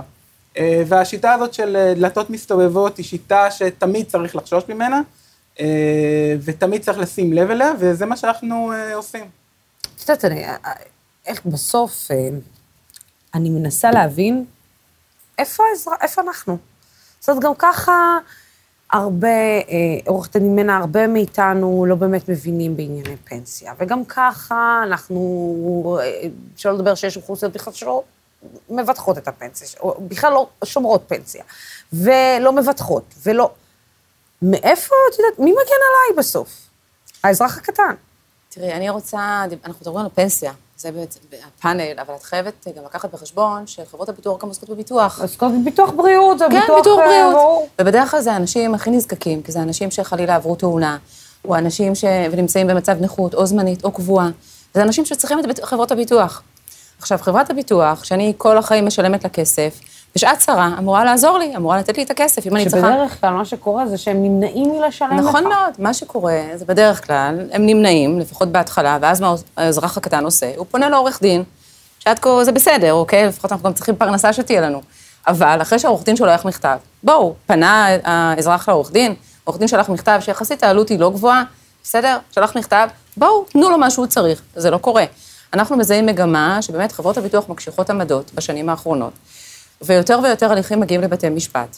גם הליכים שלכאורה על פי הפוליסות אמורים היו להסתיים לפני, ואז אותו אדם צריך להוציא, גם להשחית זמן, גם להוציא הרבה כספים על הליך משפטי ארוך, בסופו של דבר, או מתפשרים, או שזה נגמר בהליך ש, שמגיע לפסק דין, אבל בשורה התחתונה, מה שקורה זה שהכסף עובד, אוקיי? בזמן שחברת הביטוח לא משלמת, את יודעת, כסף של, של היום שווה יותר, שווה יותר מכסף של עוד, אה, של עוד אה, שנה או עוד שנתיים, והכסף עובד, איפה הוא עובד? הוא בנכס המניב, כן. בנכס המניב. אז אני רואה בניינים, נבנים בניינים של חברות הביטוח, עוד בניין ועוד בניין ועוד בניין ועוד בניין, וכשלקוחות שלי צריכים כסף, אז, אז עושים להם את החיים הקשים, ושולחים להם חוקרים, לא, אתם לא זכאים, ועושים להם הרבה בעיות כדי שלא יקבלו את הכסף שהם צריכים לקבל, שזה בעצם מה שהם שילמו, שילמו עליו כל החיים. ו- וזה כואב, וזה קשה לראות את זה. כעורך הדין שמטפלת בתיקים האלה, זה מאוד כואב לבוא ולראות את המאבק שאנחנו צריכים לנהל בשביל אותם אנשים שאמורים לקבל את הכסף. עכשיו, יש גם כל מיני דברים מעבר לזה, דברים אפילו שבנזקי רכוש. אני עוזבת כרגע את הגוף, גם נזקי רכוש. יש כל מיני דברים שעושים בשביל לשלם פחות. פה היום בחדר איפור שלכם, המאפר שלכם סיפר לי על העניין שקשור ל- לרכב, שהרכב שלו ניזוק, ואז השמאי אמר לו, בוא, נעשה טוטל לוס. עכשיו, הוא חשב שזה טוב, כי אף אחד לא הסביר לו שטוטל לוס זה לפי המחירון של לוי יצחק. ברור. ושאם הוא יקבל את הכסף, במקרה רכב מליסינג, הוא יקבל הרבה הרבה הרבה פחות מהשווי של הערך. מה קרה בסוף? הוא נשאר בלי רכב, ובלי, והוא היה צריך לתת את הכסף אה, לליסינג. ברור. בעצם כי הביטוח אה, העביר את הכסף לליסינג. נכון. אז מישהו הסביר לו? לא, במקרה הזה הוא אה, מצא מישהו שיקנה לו רכב אחר, במקרה הזה היה אבא שלו, אני מקווה שזה מותר לי לספר. אבל, אבל כל כך הרבה אנשים בסיטואציה הזאת לא יודעים, וסליחה על הביטוי, נדפקים. ברור. וחברת הביטוח ממשיכות לבנות בניינים, ואנשים בפועל... זה לא רק ש... את יודעת, אני חושבת ש... הרי, מה אותי מחרפן בשיחות עם חברות הביטוח? אותי מחרפן בשיחות עם חברות הביטוח זה שמתקשר מישהו, ואז הוא פשוט מגיע עם תסריט מוכן מראש. ואני יודעת, אני שומעת מישהו שמדבר איתי מתוך תסריט, ואני אומרת, אבל רגע, שנייה, תעשה pause, כי אני לא מבינה כלום ממה שאתה אומר. ואני יכולה להגיד לו, תעשה pause, לא רוצה, תעשה delete, אני לא רוצה את הביטוח שלך, אל תקשר אליי יותר. ויש הרבה מאוד אנשים ש... שאיכשהו מוצאים את עצמם, משלמים עשרות שקלים כל חודש, או אפילו מאות שקלים כל חודש, על ביטוח לא רק שהם לא צריכים אותו, שביום הדין, כשהם יצטרכו, הם לא יקבלו. הם לא יקבלו אותו. תראי, גם אנשים לא זה מתלוננים. תחום מאוד מאוד פרוץ, זאת אומרת, נכון. וגם אף אחד לא עושה עליו איזושהי, איזשהו בדק בית. התפרסם מחקר לאחרונה, שמספר הפניות, התלונות למפקח, לממונה על הביטוח, למפקח על הביטוח, הולך ויורד עם השנים. אז שואלים למה? כאילו, לכאורה, אם יש מישהו, סמכות, שאת יכולה להתלונן עליו, אבל מקרה של חברת הביטוח אה, לא נהגה כלפייך כדין, את אמורה לפנות, נכון? אז למה אנשים לא פונים? כי אנשים מיואשים. כי אנשים רואים שהם לא מקבלים מענה, או שיש פה דמות שלצערי חסר, אין לה שיניים. אין לה שיניים, הם לא יכולים לעשות שום דבר. ואז מה שקורה באמת זה פונים להליכים משפטיים, והדברים שציינתי, וצריכים אה, להשחית זמן וכסף כדי לקבל אה, משהו שמגיע להם מלכתחילה. אסא, תגיד לי, איך זה יכול להיות שכל התחום הזה, לא עד עכשיו, לא איכשהו נעשתה עליו איזושהי רגולציה, איזשהו סדר, איזשהו חוקק חוק, שבעצם מסביר, אתה יודע, מחייב אה, גם את חברות הביטוח, על אף שאומרים לך, הבנת, הבנת, הבנת, תלחץ אחד אם הבנת, אתה יודע שהשיחה הזאת מוקלטת, אתה יודע שזה, אבל בוא, בוא נודה על האמת, לא באמת אתה מבין מה מדברים איתך כשבאים ועושים לך ביטוח, ולא לכולם יש את הזמן הזה לשבת ובאמת להבין איזה ביטוח הם עושים. אז הבעיה היא, לוסי, הבעיה היא אפילו יותר עמוקה ממה שאת אה, מתארת. הבעיה היא במודל העסקי של חברות הביטוח. זאת הרי איך אומרת, המודל העסקי של חברות ביטוח? היא גובה מאיתנו פרמיה, נכון, והתשלום וההוצאה שלה זה תשלום בגין התביעות ביטוח. ככל שהיא תשלם פחות, מה יקרה לרווחיות? תגדל, תגדל. ככל שתשלם יותר רווחיות, תרד. מה רוצה מנכ"ל של חברת ביטוח או בעלים של חברת ביטוח? רווחיות גדולה. רווחיות גדולה זה טוב למניה, זה טוב לדיבידנדים. כלומר, הבעיה פה היא אינהרנטית בתוך המבנה הזה של חברת ביטוח. אחד המודלים שניסו לפתור אותו בעולם היא של חברה דווקא ישראלית שפועלת בחו"ל, שנקראת למונייט, שבאה ואמרה, קודם כל אני דיגיטלית מלא, זה מוזיל מאוד את כל העלויות, דבר שני, אני חותכת מהפרמיה 25 אחוז, שזה הרווח והתפעול שלי לחברה, וכל היתר נשאר לטובת תשלום אה, אה, תביעות. המודל הזה עובד דווקא לא רע בכלל, החברה אמנם עדיין לא רווחית, סך הכל אנחנו מדברים על חברה שחיה סדר גודל של אה, חמש-שש שנים, סטארט-אפ כזה שהתגלגל, אבל בהחלט נסחר בשווי של, אם אני זוכר נכון, סדר גודל של 4 מיליארד דולר בנסדק, כלומר, קצת יותר מכל חברות הביטוח הישראליות שעובדות פה בישראל, החברה הכי גדולה שווה סדר גודל של 3 מיליארד דולר, פניקס. אה, ופה נמצאת הבעיה. עכשיו, מנגד, אנחנו כצרכנים גם צריכים להבין ש, שאין מה לעשות, צריך גם לדעת ולהילחם, ולשבת עליהם, ולנג'ס להם, ולשלוח תלונות לפיקוח על הביטוח, ואם שולחים תלונות לפיקוח על הביטוח זה עובד. ולהפנות גם אלינו, לעיתונאים, תביעות, וכמובן, בסופו של דבר, ללכת לעורכת דין כמו אה, גברת מנה למעשה, שהיא זאת שבאה ו- ו- והופכת שולחן, ובסוף חברות הביטוח משלמות. וכמובן, הבעיה הכי גדולה נמצאת בבתי המשפט. כשאנחנו רואים תביעה, וטיפלנו בכמה מקרים כאלה, שהחברה לא משלמת את מה שהיא צריכה לשלם, בסוף בית המשפט מחייב אותה לשלם את מה שהיא צריכה לשלם. לטעמי, מה שהם היו צריכים לעשות, זה לצורך העניין, ניקח. דוגמה, לתת להם שם קנס. הייתי צריך לשלם 500 אלף שקל למבוטח, הנה, קח עכשיו ביליון שקל, עוד חצי מיליון בגין אותה עוגמת נפש. אני מאמין ששתיים, שלוש פסיקות כאלה כבר היו מיישרות את הכל. מי נלחם עבורנו בעניין הזה בממשלה, במדינה? מי, כשאנחנו נמכרים בזול כל כך? מסתבר שאף אחד לא נלחם עבורנו. אה, יש אה, ארגונים אה, של, כלומר, אם יש בן אדם שהוא באופן פרטי לוקח עורך דין ובאמת נאבק ומצליח להשיג את הזכויות שלו, אז זה סיפור אחד. הבעיה היא במודל העסקי של, של החברות, אה, חברות הביטוח. הבעיה היא שאין גם מספיק פיקוח של הפיקוח על הביטוח. אה, הבעיה תמיד מתחילה מהעובדה שאין אינטרס גם בעצם להילחם בחברות הביטוח בשביל האזרח הקטן. מטורף. אה, הדבר הזה נובע עוד פעם. אה, אה, זאת אומרת שאין מישהו בממשלה שרוצה בכלל להתעסק בנו כי מה? זאת אומרת, אה, אין מישהו שרוצה ש... לדאוג לנו כי אין לו אינטרס לדאוג לנו, כי זה לא שווה את הזמן להשקיע כדי לדאוג לנו?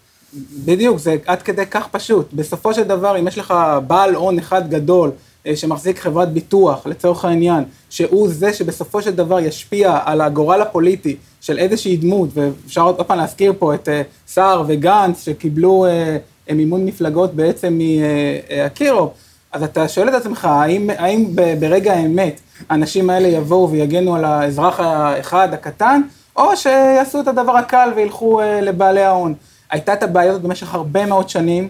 אה, אנחנו נאבקנו, אנחנו כארגון אה, חברה אזרחי, אבל, אבל הייתה פה את מחאת יוקר המחיה שהיא פשוט התפרצה ב-2011, והיו איתה הישגים, אה, הישגים מאוד גדולים, הישגים אה, משמעותיים מאוד. אה, חוק מאוד ייחודי של אה, חוק המאבק בריכוזיות. אה, עבר, זה היה חוק שהיה קריעת ים סוף אה, בשביל להעביר אותו, אה, ודווקא, אם נחזור עוד פעם לאקירוב, דווקא החזרה של אקירוב אה, מתחילה לסמל את אה, תחילת ההתמסמסות של החוק הזה, אה, ובגלל זה חייבים להיות אה, מאוד אה, ערים לעניין הזה, ולשמור על ה... אני חייבת להגיד לכם שממשלת השינוי הזאת מעצבנת אותי מיום ליום. אה, תודה רבה, אה, אריאל ואסה וחיה, תודה רבה. את לא רוצה לסיים עם אופטימיות? תודה אני רוצה לסיים עם אופטימיות, בבקשה, את יכולה לסיים עם אופטימיות? אני יכולה לנסות. יאללה. אני חושבת שבאמת הזירה בבתי המשפט, אני מצטרפת פה באמת למה שאמר... אה, אה, אסה. אסה. אני חושבת שבתי המשפט אה, טוב יעשו באמת אם יתחילו לתת בעצם פיצ... פיצויים עונשיים, שיש את זה בארצות הברית כמובן, במקרים שבהם צד מנהל הליך בחוסר תום לב, למרות שהיה צריך לשלם. אני יודעת על מקרים שבתי המשפט כן התחילו, אמנם לא קוראים לזה כך, אבל כן לוקחים בחשבון בהוצאות, שפוסקים לחברת הביטוח את העובדה שבאמת אה, מלכתחילה היה צריך לשלם, וסתם יגררו את אותו אה, אדם אה, שהיה צריך לקבל את כספי הביטוח להליך משפטי. וזה אולי באמת, אה, משם תבוא הישועה. אני, אני מסכימה איתך שזה חיובי, רק שאני, אם אני עכשיו אכניס את עצמי, שנייה, רגע, לפן הפחות חיובי, כמה זמן לוקח להגיש את התביעה עד שהיא לא, מגיעה לבית היום, משפט, אחרי- אחרי- עד שהם מגיעים אליה, עד שדוחים לך. את הדיון, מביאים לך את הדיון וזה. כבר, במיוחד בענייני אה, בריאות, יש מצב שהבן אדם כבר מת ונולד מחדש והוא עדיין לא מקבל את הכספים. אה, תודה רבה לשלושתכם. אבל זה כבר דיון אחר לגבי הבירוקרטיה בבתי משפט, זה כבר סיפור אחר לגמרי. אה, תודה רבה לשלושתכם. כן, ועוד רגע אנחנו נארח כאן אה, אה, אה, באולפן את שני המנכ"לים של עמותת סיכוי, שב-30 השנים האחרונות מנסים לקבל יחסים בין, אה, אה, ל- לאזן ו- ולפשר אה, ולקבל יחסים בין יהודים לערבים ב- במדינה. אבל עוד לפני כן אנחנו נראה סרטון חדש שהם הכינו על ההבדל בין יהודים לערבים בשדה התעופה. בבקשה. מרחבה יא מטר. ללא השגחה. المطار يا سيدي كبير كتير كتير. لهيك بكل محل في لافتات. اللي بتساعدنا ندبر حالنا ونعرف نتصرف. مم؟ بس ليش مكتوب بالعربي؟ يا حبيبتي بأغلب اللافتات بالمطار الكتابة هي بس بالعبري والإنجليزي. وإذا كنت بتحكي بس عربي في مشكلة. طيب وإذا ما عرفت أدبر حالي بدي أسأل حدا. بينفع تروحي على الاستعلامات. هاي ضيعت دبدوبة تقدروا تساعدوني؟ ילדה, אני לא מבינה מה את אומרת. مم. تتوقعيش تلاقي خدمة باللغة العربية הנוסעים האחרונים בטיסה 688 לברצלונה מתבקשים להגיע בדחיפות לשער 35. يلا لازم نطلع على الطيارة نادوا علينا نادوا بالعبري بس شو مع المسافرين العرب؟ ما بينادوا علينا؟ חמישית מאזרחי ישראל הם ערבים. הגיע הזמן ששדה התעופה ידבר גם בשפה שלהם. טיסה נעימה, חזרו בשלום. ספרה מואפקה ותרג'עו לנה בסלאם. כן. אז אני רוצה להגיד ערב טוב לשני המנכ"לים של עמותת סיכוי, עופר דגן ואמג'ד שביטה, נכון? שביטה. שביטה. אה, קודם כל, תודה רבה שהגעתם אה, לאולפן. אני בדיוק, דיברנו על זה כשראינו את הסרטון, שהסיפור הזה של שדה תעופה, שהוא לא נגיש בשפה הערבית, שזה די מטורף, אה, הוא סיפור שנדון גם בחברת התעופה, זאת אומרת, גם בשדות התעופה עצמם, שהם רוצים להנגיש את זה, אבל איכשהו הדבר הזה כל הזמן נתקע, ואני לא מבינה איפה זה נתקע, למה זה נתקע, ומי עוזר לזה להיתקע. לכו על זה. אז אני אגיד שא', לשמחתנו המצב בשדה התעופה הרבה יותר טוב ממה שהיה אה, כשהקלטנו את הסרטון הזה, כי לפחות מבחינת שילוט, הכתוב, השילוט, הכיתוב, יש נכון. אה, יותר נוכחות לשפה ערבית. אני חושב שבחברה הישראלית התרגלו לכך שהערבים נמצאים, אפשר לראות אותם, אבל לשמוע אותם ואת הקול שלהם זה קצת אה, מורכב יותר, ולכן באמת הכרזה זה משהו שאנחנו ראינו שהיו ניסיונות בעבר גם באוטובוסים אה, בבאר שבע, במקומות אחרים, שהייתה מחאה אה, נגד זה, אנחנו עדיין לא משלימים עם זה, ומנסים ל- להמשיך ל- ללחוץ כל הזמן על, גם על נתב"ג, אבל גם אה, ב- באופן כללי, בכדי שהשפה הערבית תהיה נוכחת גם בהכרזות ולא רק ב- אה, בכתב.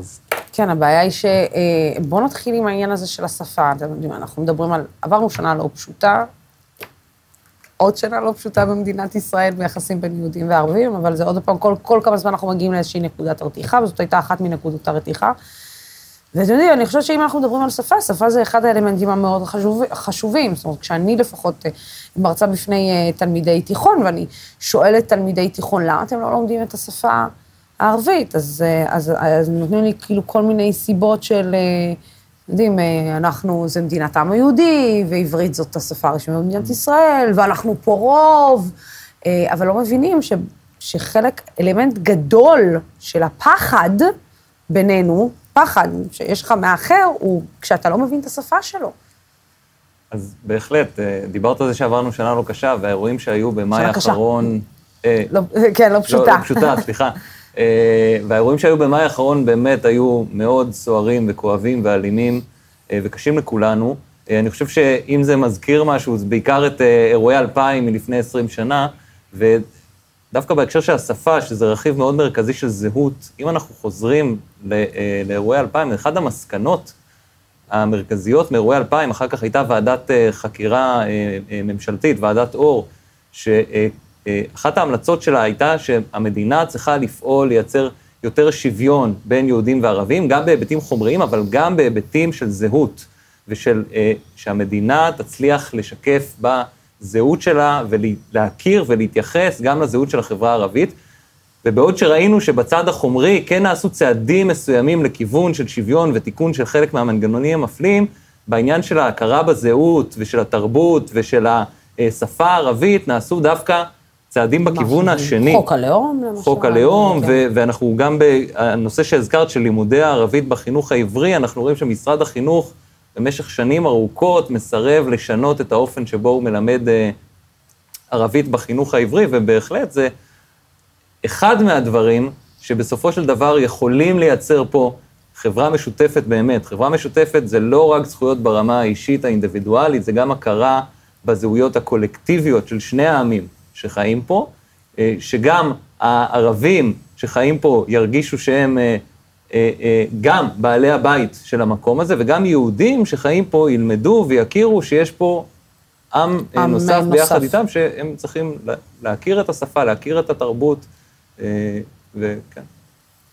אמג'ד, אה, אה, אתה יודע, אני מסתכלת על, ה, על, על מה שקרה בשנה האחרונה, ואתה אומר לעצמך, זה באמת אה, אחת השנים היותר קשות אה, שחווינו, או שזה בעצם אה, סוג של הצטברות של הרבה מאוד אירועים שקרו בשנים האחרונות, והם הצטברו לרצף של כמה ימים במאי, אבל זה דברים שהיו קיימים בשטח מאז ומתמיד. נכון, אני חושב שזה לא היה מפתיע. כל מי שמסתובב אה, בעיר לוד למשל, בשכונת הרכבת, יודע שהביצוץ הוא רק שאלה של זמן. זה לא משהו שבא ב, אה, ב, ביום, אה, ביום אחד, אלא זו הצטברות, הצטברות של כעס, של תסכול. אני חושב שזה זה הכל מתחבר, גם השאלה הלאומית מתחברת, כל, כל השאלה של הסכסוך, אבל זה גם המצוקה הכלכלית וגם האלימות. אנחנו, האזרחים הערבים מרגישים במדינת ישראל שהם מופקרים על רקע השייכות הלאומית, וזו, וזו תחושה שמבוססת על, על באמת, על, על אפליה, על אפליה מתמשכת, ולכן השאלה שצריכה להעסיק אותנו היא איך לעצור את, ה, את הביצוץ הבא, כי כל עוד זה לא יטופל, זה כאילו כמו לתת אה, אקמול ל-. למחלה, אה, למחלה אה, ממארת, קשה כן, מאוד. כן, כן. ו- ו- ו- והתשובה צריכה להיות מכך שהמדינה, הממשלה לוקחת על עצמה לנקוט בצ- בצעדים מאוד משמעותיים בכדי לצמצם את הפערים האלה, כפי שעופר אמר, בהקשר ה- החומרי, אה, הכלכלי, אבל גם בהקשר התודעתי ובהכרה בזהות של האזרחים הערבים. האזרחים הערבים מתבקשים לוותר על הזהות הלאומית שלהם בגלל הסכסוך. ומה שצריך לעשות זה דווקא לוותר על הסכסוך ולא על הזהות על הלאומית. הזהות הלאומית. המשוואה היא מאוד מאוד פשוטה. הסיפור הוא לא בכלל, אני לא חושבת שהסיפור הוא הזהות. אה, אה, אני מסכימה איתך לגבי העניין הזה של, של, של, ה- של הסכסוך, שהוא בלתי, שהוא לא ניתן לפתרון. אתם יודעים, אני, אני, אני אשאל אתכם, תראו, אנחנו רואים גם את, אה, את, ה, את ההשפעה של הפוליטיקאים על תוך אה, הסכסוך הזה, גם פוליטיקאי אחד במיוחד ש, שזרק הרבה מאוד אה, אש למדורה הזאת, אבל אתם יודעים, אני, אני, אני שואלת את עצמי, האם לנו כאזרחים, ואני רואה נגיד עכשיו נגיד את הכניסה של, של רע"מ לתוך הממשלה. אני לא יודעת האם זה בא ואומר, רגע, שנייה, אולי סדר העדיפויות שלנו אה, צריך להיות אחר, אולי שינוי ברמה הפוליטית יכול להוביל גם לשינוי ברמה האזרחית, בעניין של מי משפיע, איפה הוא משפיע, אה, ההרגשה של שייכות, של לראות שמישהו שהוא כמוני, כן, במרכאות, נמצא בין מקבלי ההחלטות. אה, אני, אנחנו לא, כמובן לא, לא פרשנים פוליטיים, ואת צודקת שהשאלה של פתרון הסכסוך היא שאלה סבוכה ומורכבת, וגם אין לנו את הנוסחה ברור. המדויקת אה, לפתור אותו. אנחנו כן חושבים שצריך אה, לסיים את הכיבוש ולייצר חברה שוויונית ומשותפת, שתייצר הכרה ב, ב, בזהויות של שני עמים, אבל אנחנו כן חושבים שאפשר אה, להתקדם אה, ב, בתוך עשייה שהיא מקצועית אה, וערכית מול מקבלי החלטות בצעדים משמעותיים כדי לסגור את האי-שוויון, לתקן את האפליה, אה, גם בתוך החברה בישראל, ושלדברים האלה יש בסופו של דבר משמעות גם על קידום פתרון לסכסוך. כי אני חושב שככל שהפערים בין יהודים וערבים בתוך ישראל אה, יצטמצמו, וככל שהחברה הערבית בתוך ישראל תתחזק, גם מבחינה חומרית, אבל גם מבחינה זהותית והכרתית ותודעתית, היכולת לייצר בסוף פתרון לסכסוך הישראלי-פלסטיני גם תתחזק. כי בסופו של דבר, מה שאנחנו רואים גם בשיחות שלום ותהליכים שהיו מהסוג הזה, שתמיד התהליכים האלה דילגו מעל נכון. האזרחים הערבים אה, בתוך ישראל. ואני חושב שככל שהחברה הערבית בתוך ישראל תתחזק, וה... ביחד עם הזהות, גם הקולקטיבית וה... והלאומית שלה, זה יוכל דווקא לא לייצר... לפחד מהזהות הזאת. אה, גשר ו-. ו- ו- ומנוף דווקא לאולי פתרון של ה- של הסיפור. כן, אתה יודע, אבל אה, כשאנחנו חיים בעידן שבו אה, אה, להגיד אין דבר, שכבר אומרים אין דבר כזה כיבוש ואין דבר כזה, אין דבר כזה עם פלסטיני, זה כבר נהיה שגור בקרב, אני חושבת, הרבה מאוד לא נגיד רוב, אבל כמעט חצי מהעם בישראל. אז אתה אומר, העבודה היא מאוד מאוד קשה. זאת אומרת, שאתה... אני מבינה שזה לא עניין של הגדרה, וכל אדם רשאי להגדיר את עצמו איך שהוא רוצה. אני שנים... אני מגדירה את עצמי כערבייה ישראלית, אוקיי? אבל, אבל זה לא אומר שאני מנותקת ממה שקורה, זה לא אומר שאני מנותקת ממה שקורה עם הפלסטינים, שאני חושבת שלא צריך לסיים את הכיבוש. אני באמת חושבת שיש לנו בעיות פה, אה, אה, אני, כישראלית, אני חושבת שיש לנו בעיות פה לפתור אותן לפני שאנחנו מסתכלים רגע החוצה, כי לנו פה בארץ יש בעיות יותר גדולות, אבל אני לא חושבת שזה עניין של זהות, כאילו הפחד הזה של, של לבוא, ועצם העובדה זה מחיקה, אני, ההרגשה של למחוק בן אדם שמולך ולא להכיר במי שאתה רואה, ואתה אומר, אוקיי, אוקיי, אז הוא פלסטיני, אז סבבה, הוא יכול גם לקרוא לעצמו עם הנעליים, מה אכפת לי, או עם הקופסאות, או עם השולחנות, מה זה משנה? אה, אה, זאת ההגדרה שלו, מה אני מתווכח על ההגדרה? אני צריך להתווכח בכלל אם אני מקבל מישהו שהוא שונה ממני. אני, אני חושב, תשמעי, אני, אני גר בטירה. אני כל יום שאני יורד לכביש 6, אה, מצד שמאל אה, יש את אה, קלקיליה, עיר מאוד גדולה מאחורי הגדר, שבדרך כן. כלל לא מדבר איתה על הבת שלי בגלל המציאות של הכיבוש. העניין הוא למחוק עם שלם שהוא חלק ממני, הוא לא, זה, זה לא רק שאלה תיאורטית, זה שאלה של בני משפחה, של קרבה, של שכנות, ולכן אני חושב שה... אה, הזה של אה, חלק מהפוליטיקאים וחלק מהממסד בישראל להתנות את הקבלה שלי בכך שיהיה ערבי בממדים מסוימים ולהתנתק מ, אה, מ- משייכות, אה, משייכות לאומית או לשנות את סדר אה, העדיפויות שלי, זה, זה משהו שאני חושב שהוא מעוות מלכתחילה. כי למשל, אני אגיד לך דוגמה מאוד פשוטה, העבודה של הח"כים הערבים.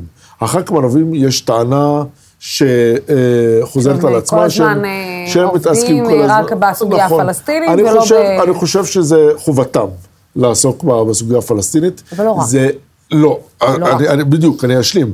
אבל אני יודע, וה, והמחקרים אה, מראים את זה, מחקרים רשמיים נכון. ומדידים, מסכימה איתך שהם, אה, מאוד פעילים חברתית, יותר מ-90 אחוז אה, מהצעות החוק שלהם, מהעשייה שלהם, החברתיות גם.